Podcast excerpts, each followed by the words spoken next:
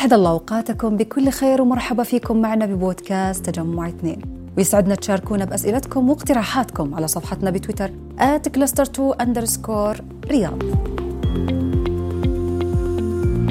بداية دخول فصل الشتاء وحتى أثناء دخوله تزيد أعراض الإنفلونزا وتكون أكثر انتشار في هالفترة.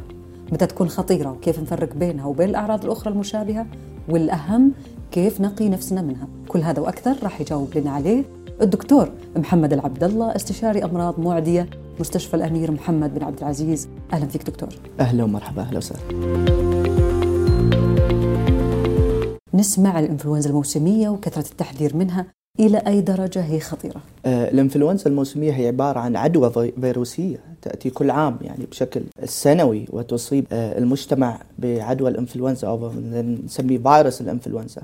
طبعا الأعراض تتفاوت من خفيفة إلى شديدة، يعني أعراض الإنفلونزا قد تصل إلى أعراض وخيمة تسبب التنويم في المستشفيات واحيانا لا سمح الله آه، الدخول في العناية المركزة واحيانا الوفاة. كيف نقدر نحمي أنفسنا من الإصابة به في هالحالة. طرق الوقاية من الإصابة بالعدوى الفيروسية بشكل عام بما فيها الإنفلونزا تتلخص فيما يلي. أهم شيء هو آه، الاستمرار بغسل اليدين بشكل مستمر اتباع الأساليب الصحية للعطاس والابتعاد عن الأشخاص المصابين. الاحترازات اللي قاعدة الآن آه، الوزارة آه، توصي فيها بالنسبة للوقاية من فيروس كورونا هي نفسها راح تساهم إن شاء الله في الحد من انتشار فيروس الإنفلونزا لهذا الموسم. ما صحة الإشاعات اللي تقول بأن أخذ اللقاح له آثار جانبية خطيرة؟ بالعكس آه، اللقاح آمن جدا لمدة سنوات. الأعراض اللي ممكن تكون بسيطة مكان الحقن آه، راح تختفي. آه، بمجرد أخذ اللقاح بعد آه، 48 ساعة اللقاح آمن.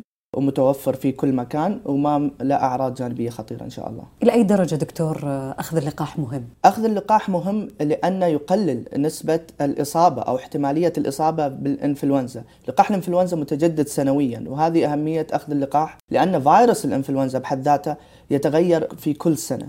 فأخذ اللقاح يساهم في تقليل الإصابة وفي نفس الوقت تقليل شدة الإصابة والمضاعفات اللي ممكن تحصل خصوصا هذا العام أخذ اللقاح مهم في تواجد جائحة كورونا. فإحنا ما نبي تزيد حالات الإنفلونزا وتظهر لنا جائحة ثانية. وهذا بحد ذاته راح يزيد آه، التنويم في المستشفيات راح يزيد أعداد المرتادين على أقسام الطوارئ. وهذا الشيء اللي ما نبغاه واللقاح ممكن يساهم في الحد منه. وعلى طاري كورونا الآن يعني كيف نقدر نفرق بين الإنفلونزا الموسمية وكوفيد آه، 19 للأسف صعب جدا التفريق بين ال- الفيروسين بالنسبة للأعراض. وبالنسبة حتى للمضاعفات اللي ممكن تحصل وأحيانا الأشخاص المعرضين فما يمكن التفريق بينهم فقط بالأعراض التفريق فقط عن طريق أخذ العينة التنفسية وإرسالها للمختبر ومعرفة نوع الفيروس. وهذا يخلي الموضوع أصعب في عملية التشخيص. مع كل هذه الآن الإجابات ودرجة الخطورة الآن نبي نقي أنفسنا وين نروح نتوجه؟ لأخذ اللقاح. اللقاح متوفر في جميع المراكز الصحية وفرتها وزارة الصحة لا سيما المراكز الصحية الموجودة في التجمع الصحي الثاني.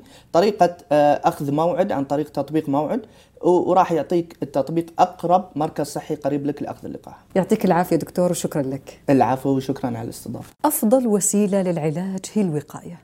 لذلك مهم أخذ التطعيم ضد الإنفلونزا الموسمية واللي أصبحت متاحة للجميع. فقط عليك تروح وتاخذ اللقاح. حفظ الله الجميع من كل مكروه. في أمان الله.